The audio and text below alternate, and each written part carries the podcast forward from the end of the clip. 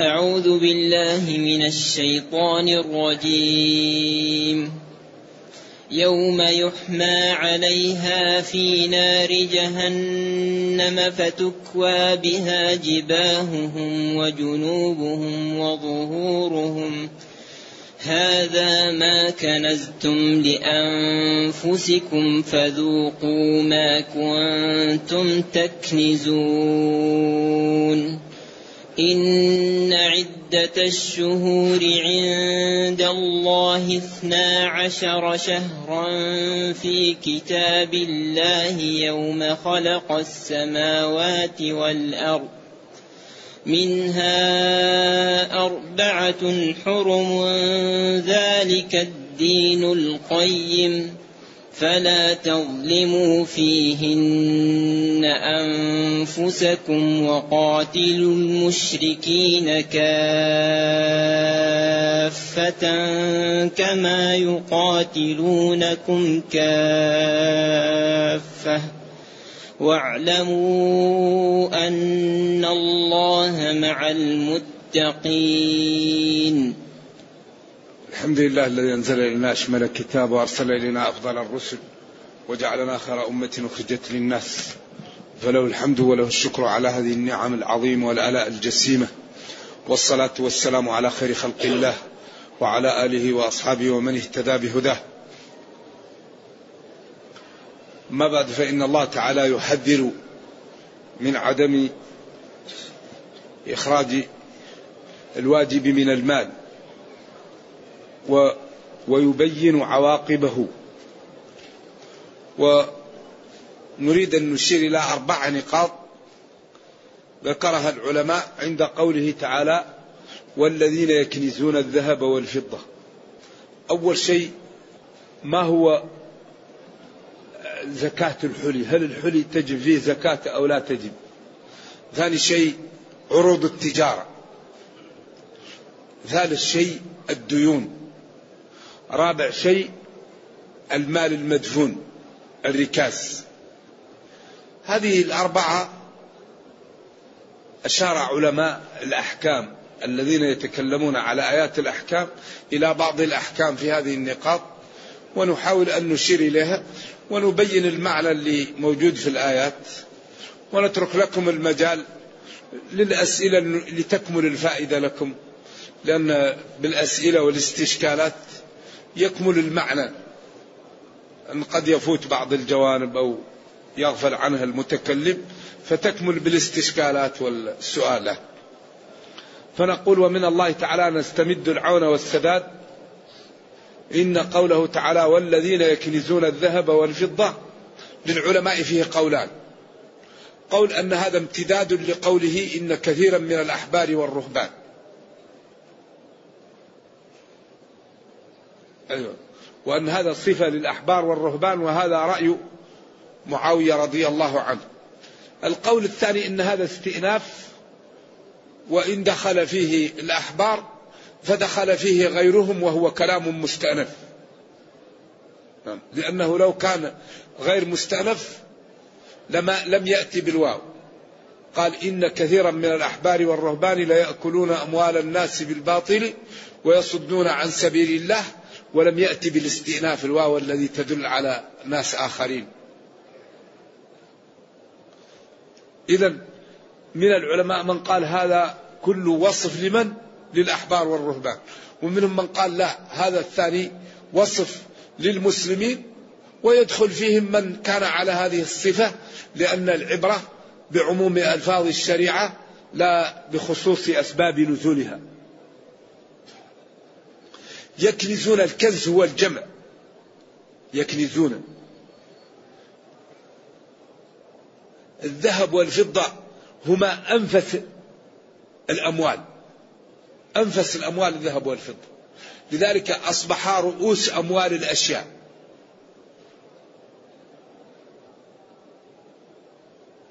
ولا ينفقونها. أي ولا ينفقون الدراهم والدنانير المعبر عنهم بالذهب والفضة. والذين يكنزون الذهب والفضة ولا ينفقونها أي الدراهم والدنانير. أي ولا ينفقونها أي المكنوزات. أو أحدهما وناب عن الثاني وهذا كثير في لغة العرب. وإذا رأوا تجارة ولهوا انفضوا إليها واستعينوا بالصبر والصلاة وإنها. يعني كثيرا ما يعود الضمير على أحد المتعاطفين وهذا سياق عربي معروف.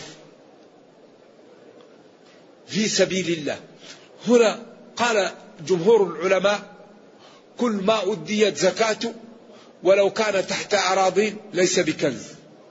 وكل ما لم تؤد زكاته ولو كان ظاهرا كنز. إذا المقصود بالكنز هو المال الذي لا يصرف منه الواجب. كل مال لا يصرف منه الواجب هذا كنز. وكل مال يؤدى منه الواجب ليس بكنز. هذا قول المحققين. ولأبي ذر رأي ولقلة من العلماء معه أن الإنسان ينفق الحاجة الضرورية من ماله والباقي يوزعه. والذي لا يفعل هذا آثم. ولذلك كان بينه وبين من عاشره من المسلمين خلاف. قالوا لأن أبا ذر يجلس مع النبي صلى الله عليه وسلم ويسمع الأحاديث ويرجع لقومه ويأتي التسهيل ولا يسمعه أبو ذر. فيبقى على ما سمع من النبي صلى الله عليه وسلم ويكون الحكم هذا غير ونسخ ويبقى لأنه لم يسمع النسخ من النبي فيرى أن الناس خالفت إيش؟ النصوص. ولذلك اشتكاه معاوية على عثمان رضي الله عنه فلما جاء للمدينة تجمع عليه الناس وقال كأنكم لا تعرفونني.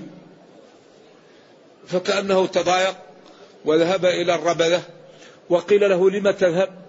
قال إن معاوية اشتكاني وقال إن والذين يكنزون الذهب في أهل الكتاب وأنا قلت إنها فينا. وبعدين اشتكاني لعثمان فلما جئت للمدينة فكأن أهل المدينة لا يعرفونني. فقال لي عثمان لو رأيت محلا يعني يكون قريب ولا يكون مختلط بالناس. وقال ولو أمي ولو أمر علي عبدا لأطعت قال لو قال لي أميري نفعل أي شيء نفعل. ولذلك هو لما أشار إلي بالتنحي تنحيت امتثالا لأمره. وبقي متمسكا برأيه رضي الله عنه. إذا المحققون يقولون إن المال إذا أديت زكاته ليس بكنز. الكنز الذي يعاقب صاحبه الذي لا تؤدى زكاته. وهذا يدل عليه ما من صاحب إبل ولا بقر ولا غنم لا يؤدي زكاته إلا جاءت يوم القيامة أكثر ما تكون فتعطاه, فتعطاه بأظلافها وتنطحه بقرونها و ويكون ذلك في يوم كان مقداره خمسين ألف سنة حتى يبعث. وما من صاحب ذهب وفضة إلا مثل عليه شجاعا أقرع يعني حية تأخذ بلزابيبه أي بحنوكه ويعذب بذلك حتى تقوم الساعة. لذلك هذا فيه التخويف والوعيد الشديد ممن لا يؤدي الزكاة. أما الذي يؤدي الزكاة في ماله ويقوم بالنفقة الواجبة عليه وإذا طرأ شيء يقوم به هذا لا لا يعذب بالمال. ثم أمس أشرنا إلى قضية خلاف العلماء في زكاة الحلي. وهذه من المسائل الدقيقة والخلاف فيها بين العلماء قوي جدا. لأن الذين قالوا إن الحلي لا زكاة فيه استدلوا بنصوص وآثار وبقياس وبلغة. والذين قالوا إن الحلي فيه الزكاة استدلوا بنصوص وآثار وبلغة وبقياس. إذا كيف هذا؟ الذين قالوا لا زكاة في الحلي ورد في الآثار لا زكاة في الحلي. وورد عن عائشة أنها كانت عندها حلي لا تزكيه. وورد عن بعض الصحابة. واستدلوا بالقياس وهو أن عروض التجارة التي أصلها للاستعمال لما غيرت عن محلها وأصبحت للبيع أصبح فيها الزكاة. لاحظوا معي. لأن هذا شبه قياس العكس. يعني المفارش والأواني والمواعين والثياب التي للاستعمال لا خلاف أنها لا زكاة فيها. فإذا كان أحدنا يتاجر في هذه الأمور تغيرت من كونها لا زكاة فيها لوجود الزكاة فيها لأنه أصبح يتاجر بها.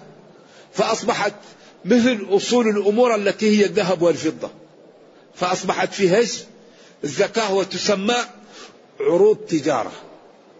كذلك قالوا الذهب والفضة التي هي أصول الأموال إذا جعلها للحلي وأخذها للاستعمال تغيرت عن أصلها التي هو أصول الأزمان والزكاة فيها لما لا زكاة فيها كما تغيرت عروض التجارة إذا كانت للبيع والشراء ممن لا زكاة فيها لكونها فيها زكاة. واضح؟ فأصبحت الذهب والفضة إذا كانوا للحلي لا زكاة فيهما لأنهم تغيرا عن وضعهما وأصبحوا المقصود بهم القنية والاستعمال لا زكاة فيهما. هذا إيش؟ هذا القياس قياس العكس. اللغة قالوا لأن الزكاة الورق لا يقال إلا للنقدين المضروبة التي يعامل بها. فالذي يستعمل لا يقال له الورق. إنما الورق يقال للنقدين التي ضربت وأصبحت إيش؟ عمل يستعمل بها. فهذا معروف في اللغة أيضا. إذا الحلي يختلف عن الورق وبهذه الأدلة الأربعة قالوا لا زكاة فيش. في الحلي المتخذ للاستعمال. قال جماعة من العلماء الحلي المتخذ للاستعمال فيه الزكاة واستدلوا بأربع نصوص. النص الأول ورود النصوص في أنه يزكى. النبي صلى الله عليه وسلم قال المرأة التي جاءت وعندها أوضاح قال أتؤدين زكاتهما؟ قالت لا. قال إنهما سواران من نار. الثانية قال لها ذلك. الآثار الوردت عن بعض الصحابة في أنه يزكى. الأمر الثالث أن هذا لما كان رؤوس الأموال وأنه هو أصلا زكاة ذهب وفضة لو استعمل لا لا يرفع عن الذهب والفضة. فيبقى ذهب وفضة فتبقى فيه الزكاة. لأنه قال والذين يكنزون فهم موجودين عنده وكنز وظهور النصوص كذلك اللغة العربية أنه ولو كان ورقا فهو ذهب وفضة. كلهم يقال له ذهب وفضة فيشتركان في ذلك فيكون فيه الزكاة. إذا هؤلاء استدلوا بنصوص وهؤلاء استدلوا بنصوص. إذا ما الحل؟ الحل أن طالب العلم يدخل القضية في المعمل أو في جانب ترتيب الأدلة الترجيح. فما ترجح فليأخذ به وليرفق بالمخالف. أهم شيء أن نتعود إيش؟ الرفق بالمخالف. والجنة أبوابها كم؟ ثمانية. الجنة أبوابها كم؟ أنت تدخل من باب وهذا يدخل من باب. لا نضيق واسع. فلا نضيق واسع على المسلمين. كل واحد منا يأخذ ما يحلو له ويرفق بالآخر. فنقول الذي يترجح أن الحلي يزكى.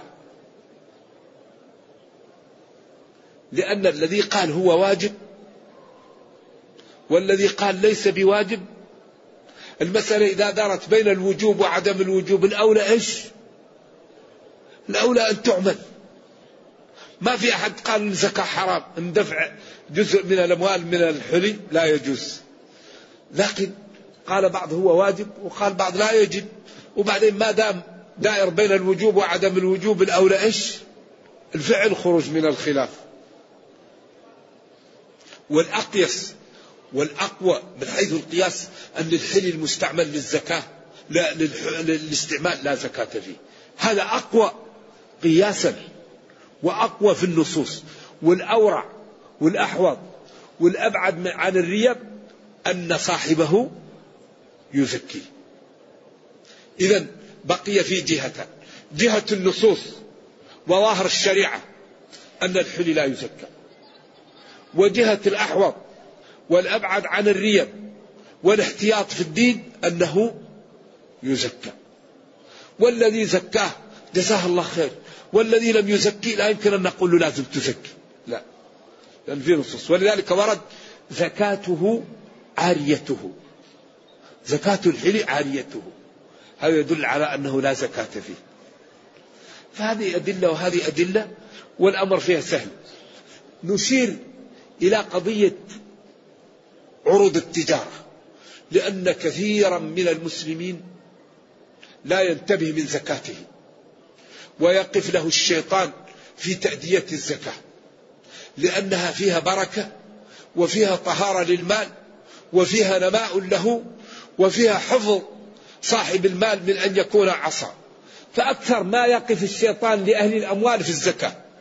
يدفع من غير زكاة ما عنده مشكلة. لكن الزكاة صعبة عليه. ليش؟ لأن الشيطان يقف له في وجه الزكاة.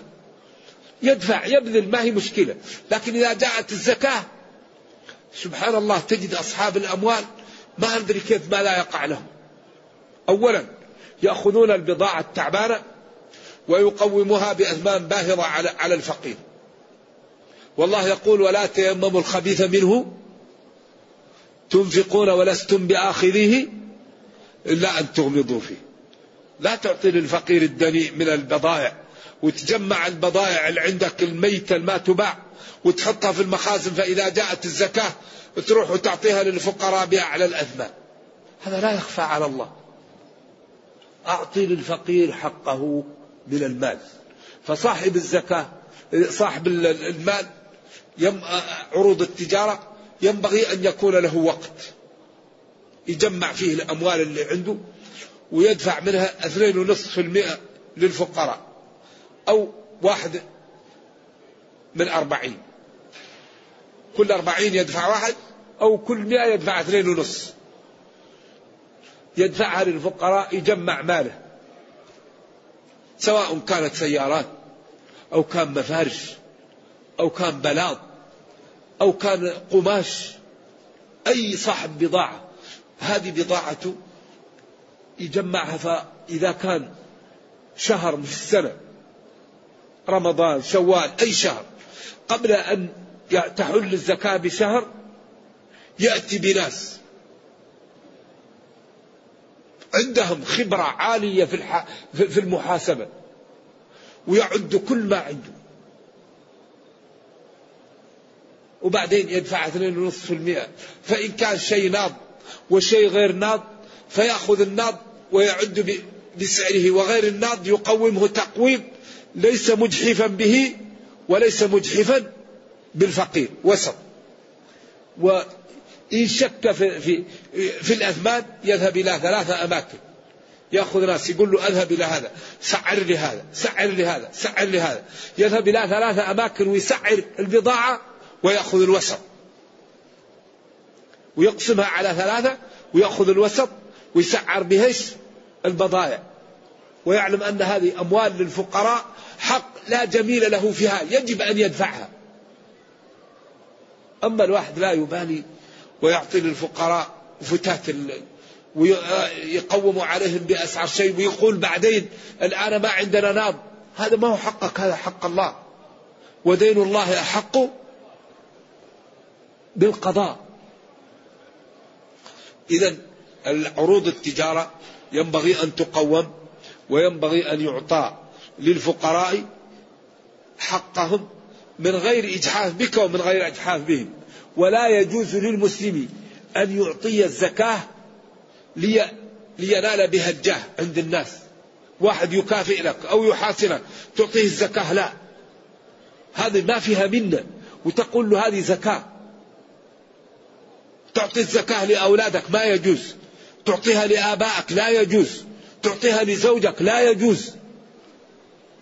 الذي تجب النفقة عليهم لا تعطيهم من زكاتك لأنك تنمي مالك بالزكاة. لا.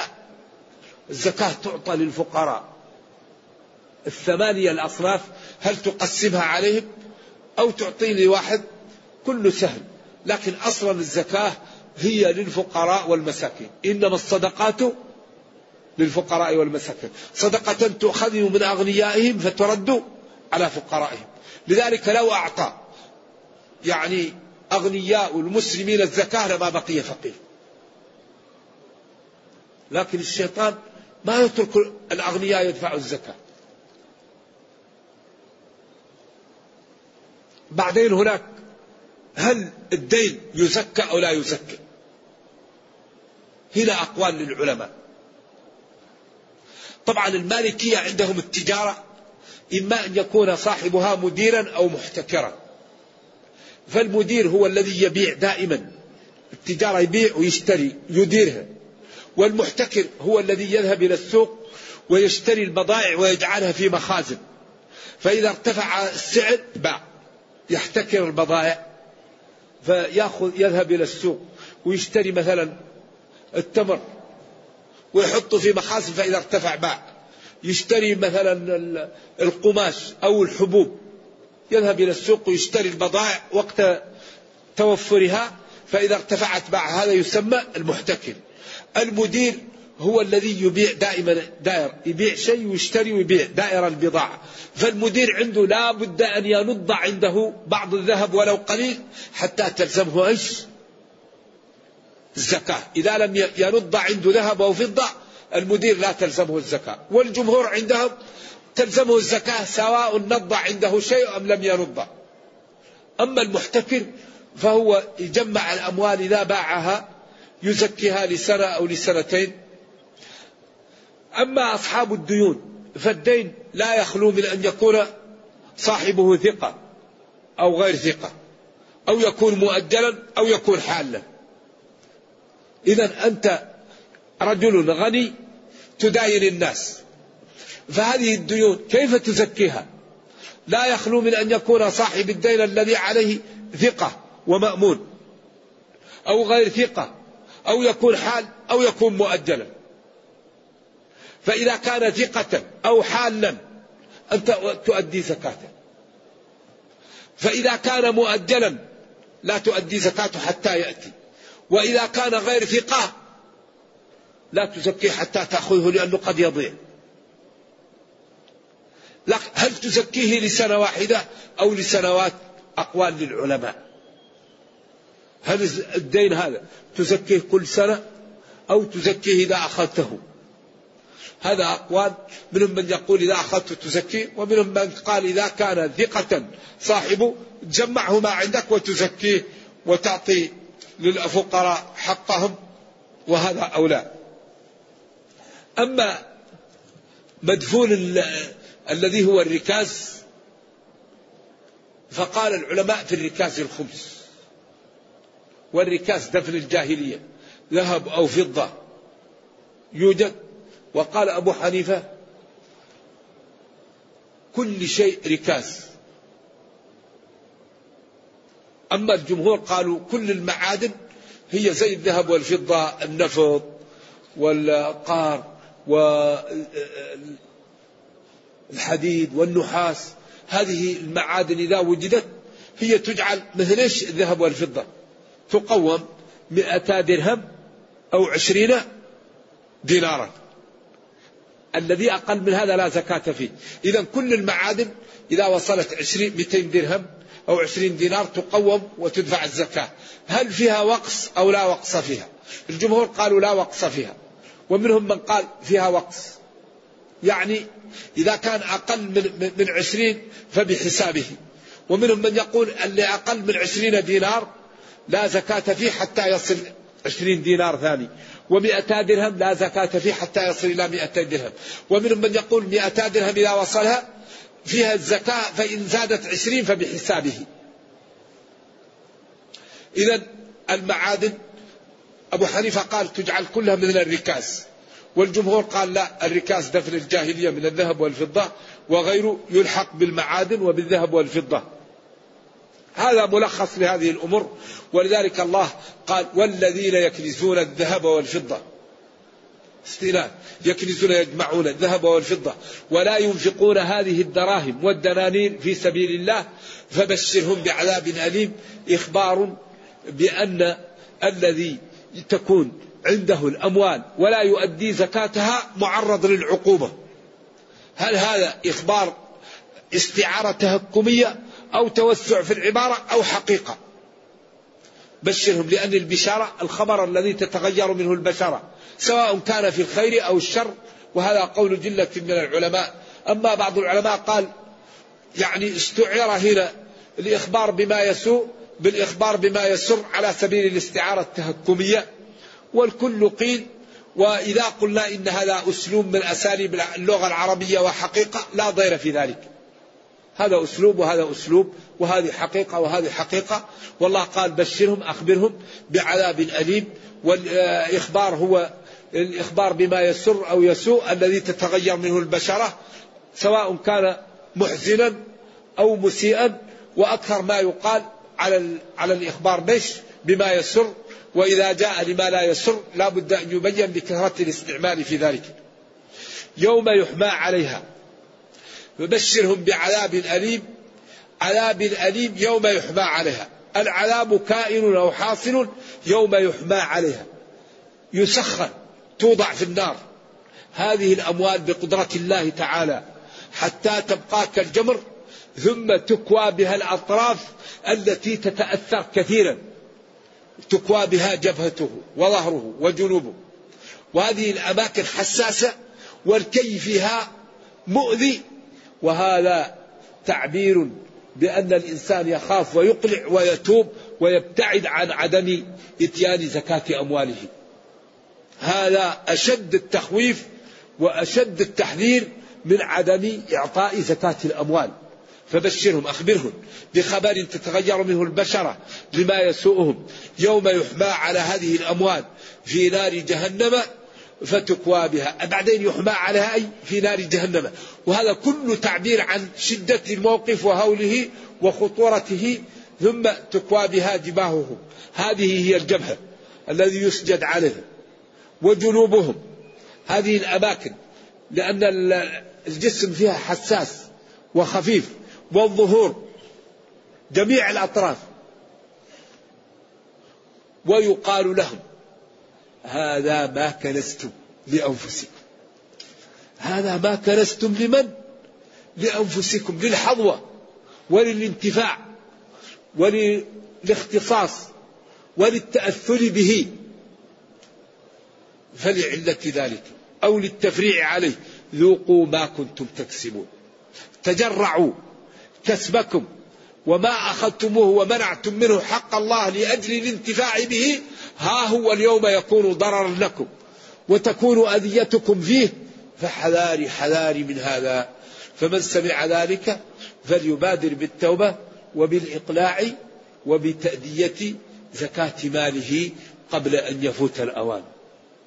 ومن فائدة تأدية الزكاة أنه يطهر المال وينميه. خذ من أموالهم صدقة تطهرهم تطهر المال وتزكيهم بها. لذلك آل البيت لا يأخذوا الصدقة لأنها أوساخ الناس. ما يجوز لآل البيت أن يأخذوا الصدقة لا. هي زي الغسالة. ما يأخذها آل البيت. ولذلك الإنسان إذا كان ذو مرة سوي لا يأخذ الصدقة يشتغل. أيوه يتعفف على أوساخ الناس. يبيع ويشتري. دلوني على السوق. المسلم المؤمن القوي خير وأحب إلى الله من المؤمن الضعيف. المسلم ينبغي أن ينفق على الآخرين. المسلم ينبغي أن تكون همته عالية. لا يتكفف الناس ولا يريد عند الناس. هو ينفق على الناس. لا يوجد شيء أكثر من طرق جلب المال. آلاف الطرق لجلب المال. إلا المحروم. المحروم محروم. فالإنسان يسأل الله أن يرزقه الحلال ويتكسب. ولا يبقى عالة على المجتمع. يبيع ويشتري ويزرع ويتحرك ويقوم بالأسباب.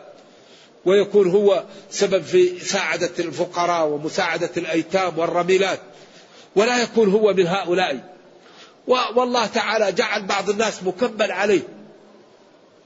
ولذلك ذو مرة القوي الشباب لا تعطى له الزكاة إلا إذا كان ممن كبل عليه.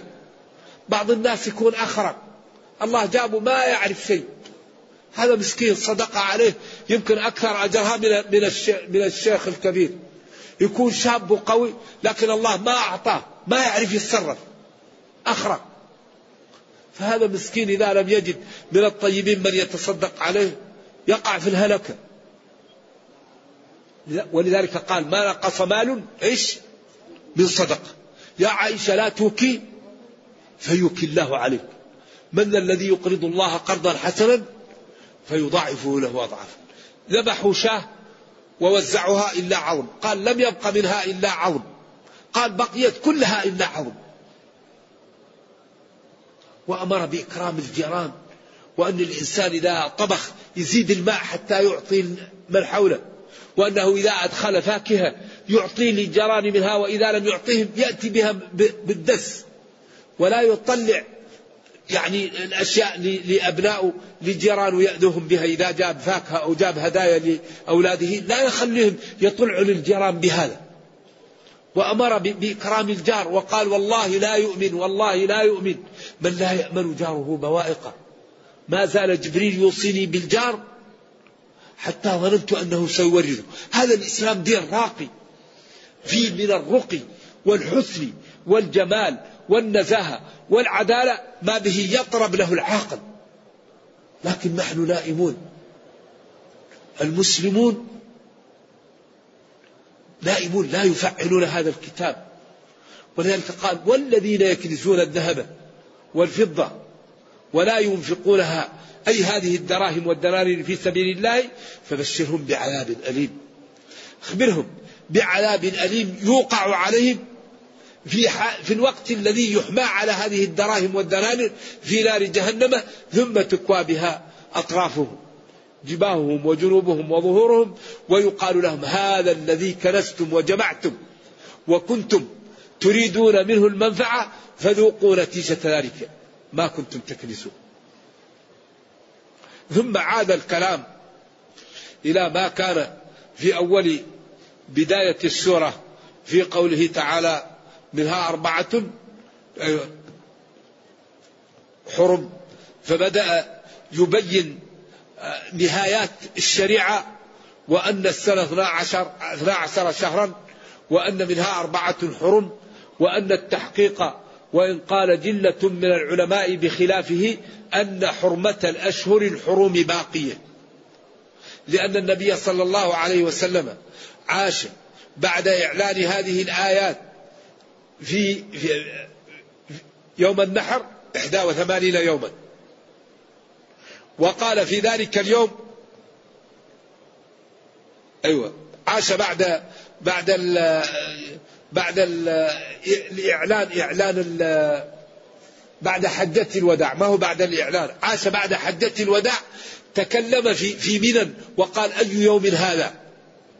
حتى ظننا أنه سيسميه بغير اسمه. قال أليس الحج الأكبر يوم النحر؟ قالوا اللهم نعم. قالوا أي شهر هذا؟ قالوا أليس هذا شهر الله الحرام للحج؟ اللهم نعم أي بلد هذا؟ قال أليست هذه البلدة؟ أي بلدة هي مكة؟ قال إن دماءكم وأعراضكم وأموالكم وفي رواية أبشاركم حرام عليكم كحرمة يومكم هذا في شهركم هذا في بلدكم هذا. محل الشاهد في شهركم هذا وهذا كان في حجة الوداع وعاش بعدها 81 ليلة. فدل ذلك على أن حرمة الأشهر الحرم باقية وأنها غير منسوخة وإن قال بذلك جلة من العلماء. فهذا أكبر دليل على أن حرمتها باقية وأن المعاصي لا تجوز في غير الأشهر الحرم لكنها في الأشهر الحرم معصيتها أكبر وذنبها أعظم. فينبغي أن لا يعصى الله فيها وينبغي أن تحترم وأن يبتعد فيها عن بعض الأشياء التي حرمت فيها كما هو مبين في محله.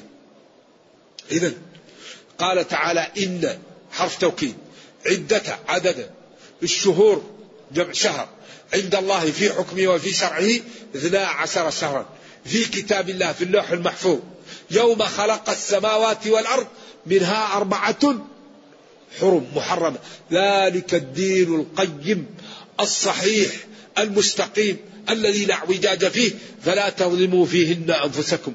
في الأشهر الحرم ولا في كل الشهور.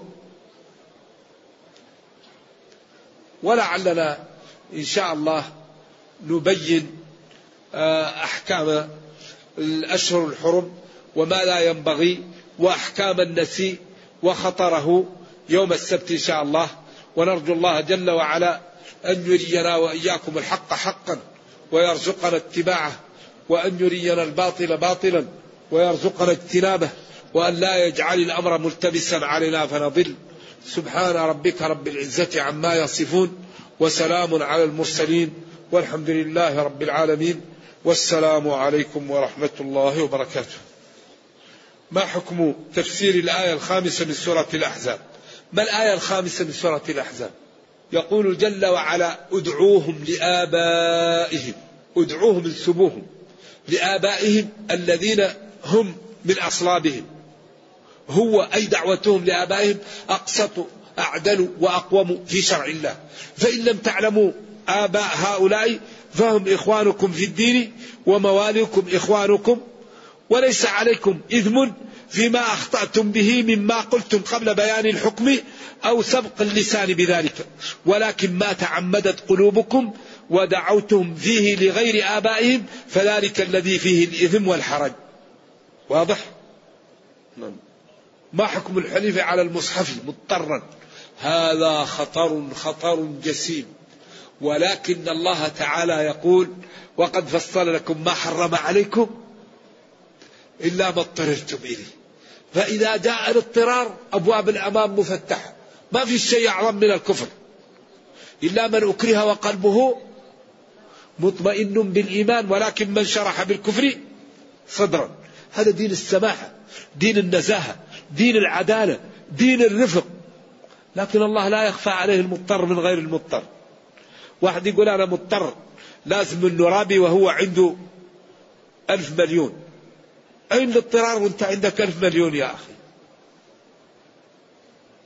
ألف مليون لو كل يوم تأكل لك مليون كم. طيب تقول أنا مضطر وانت عندك ألف مليون لازم نتعامل بالربا؟ هل هذا معقول؟ الاضطرار واحد يبقى يموت.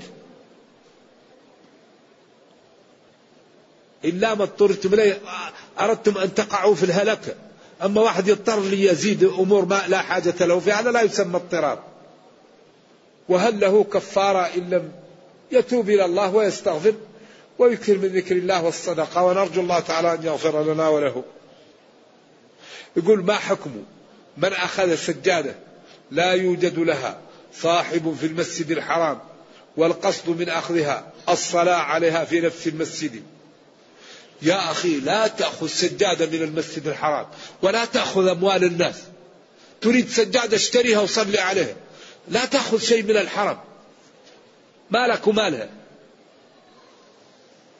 أي شيء تجده في الحرم لا تأخذه. أموال فلوس سجادة قلم أي شيء ابتعد عنه. خلي غيرك يأخذه. واحد أخذ سجاد تحطها في الحرم يرجع لها تجي وتأخذها تصلي عليه. صليت على شيء غصب هذا يا أخي. لا يأخذ أحد شيء. أي شيء تراه تجنبه خلي غيرك يأخذه يا أخي. لأن الذي يؤخذ من الحرم لازم يعرف. وبعدين تورط نفسك تعرف. وبعدين ما تتعرف وتعرف. خلي يلتبش غيرك بهذا يا أخي. إلا إذا رأيت مالا ثمينا أو شيء ذو قيمة وخفت أن يضيع تذهب به إلى الأمانات أردت تعرف أن هذا ربما إذا وقع في يد ضعيف يغيب عليه فتأخذه لأجل أن تساعد لأنه يكون من التعاون على البر والتقوى.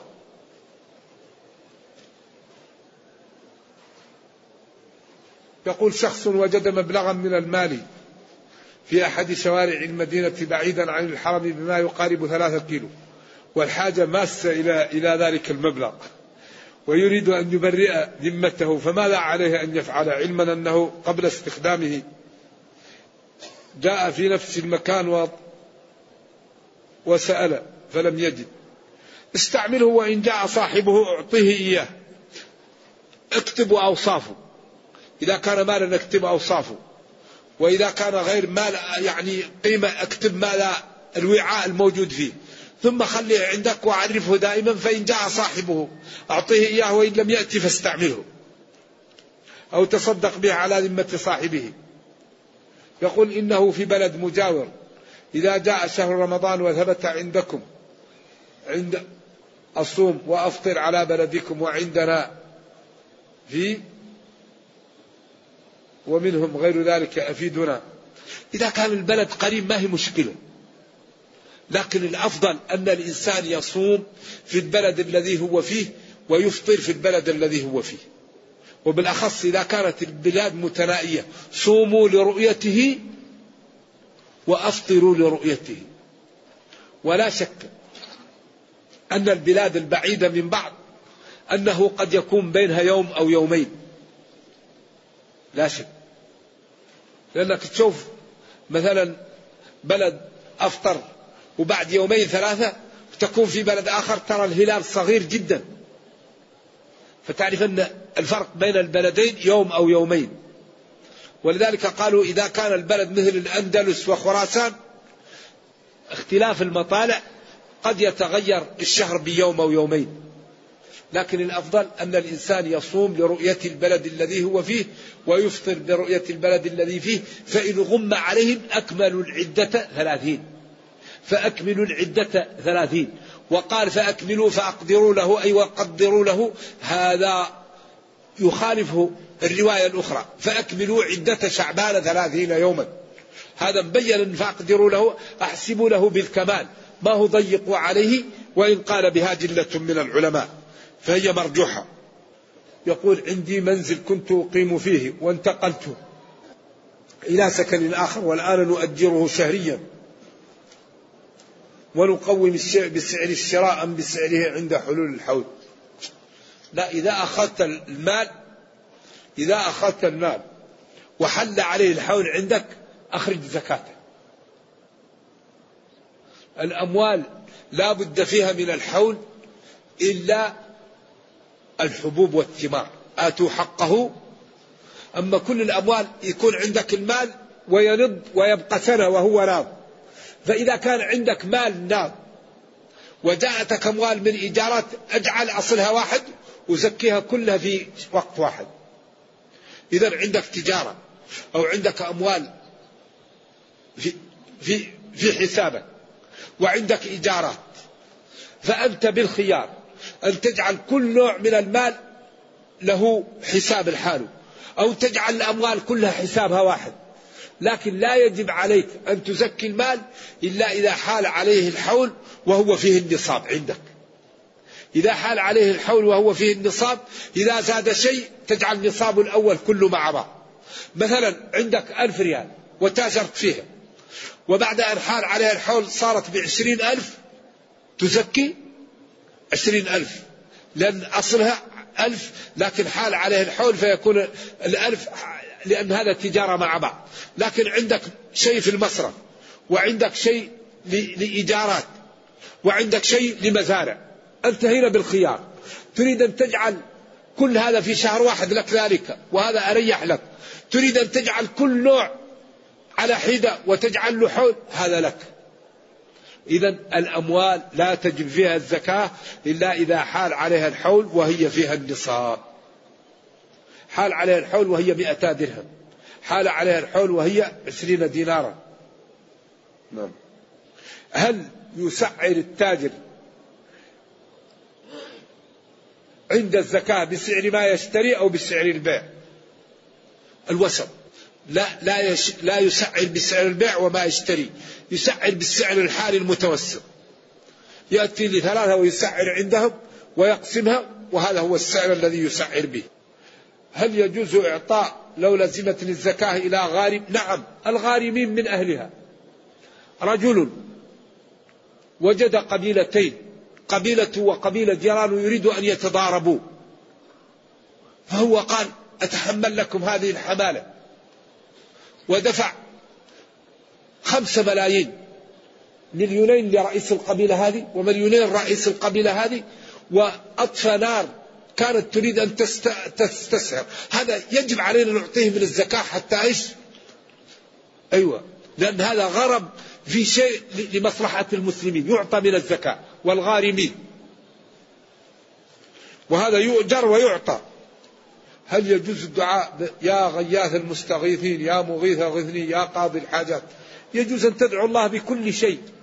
وقال ربكم ادعوني لكن لا تسمي الله إلا بما سمى به نفسه. وتدعو بكل ما تريد. وإذا دعوت بالأدعية الواردة فأفضل. أفضل دعاء وأجمع دعاء وأكثر دعاء. كان نبينا صلى الله عليه وسلم يقوله ربنا آتنا في الدنيا حسنة وفي الآخرة حسنة وقنا عذاب النار. قال العلماء هذا يصلح الدنيا والأخرى والأولاد والمال والجاه والأقارب ويجمعك في الجنة. وكل شيء يجمعه هذا الدعاء. ذلك أكثر ما كان يدعو نبينا صلى الله عليه وسلم بهذا الدعاء. ربنا آتنا في الدنيا حسنة وفي الآخرة حسنة وقنا عذاب النار. يقول كان عندي مبلغ من المال وضعته في البنك لمدة ثلاث سنوات تقريبا. ثم استخدمته شيئا فشيئا في حاجاتي ولم أتجر به. فهل كان عليه زكاة؟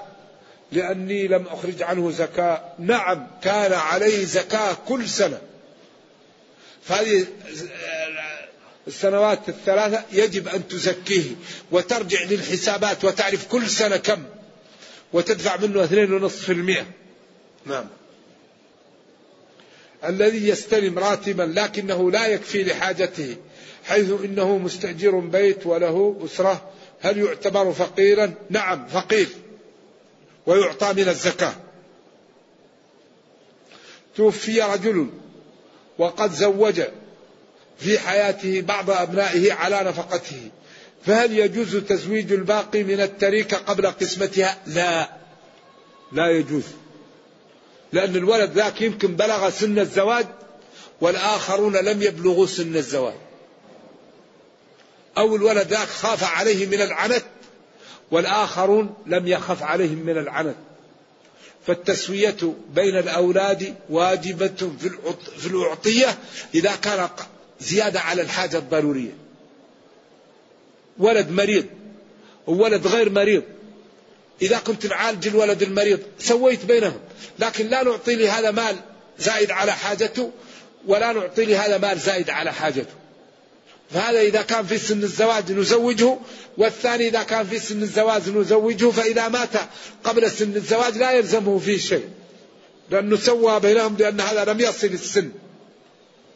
والعدل بين الأولاد واجب. واجب العدل. ولذلك قال الشهد على هذا غيري. فينبغي لصاحب الأبناء أن يتقي الله ويسوي بينهم. يسوي بينهم في العطية وفي أما فيما لا يملك هذا لا يملكه. لأن بعض الأولاد يكون مؤدبا ومحببا وطيبا فيكون الأب يحبه. وبعض الأولاد يكون شريرا فيكون الأب ينفر منه. ولذلك يوسف عنده 11 ولد يعقوب أحب يوسف. هم قالوا إن أبانا لفي ضلال مبين. نحن 11 وهو واحد يحبه أكثر منا. لكن يوسف الله أعطاه ما لم يعطي لغيره. أعطاه الجمال والأدب. وحسن الصورة وحسن الخلق وعجيب كان. لذلك ابيضت عيناه من الحزن وهو كظيم لا يملك هذا. ولذلك هذا انفعال لا يملكه يوسف. لا يملكه يعقوب قصدي. خلاص. السلام عليكم.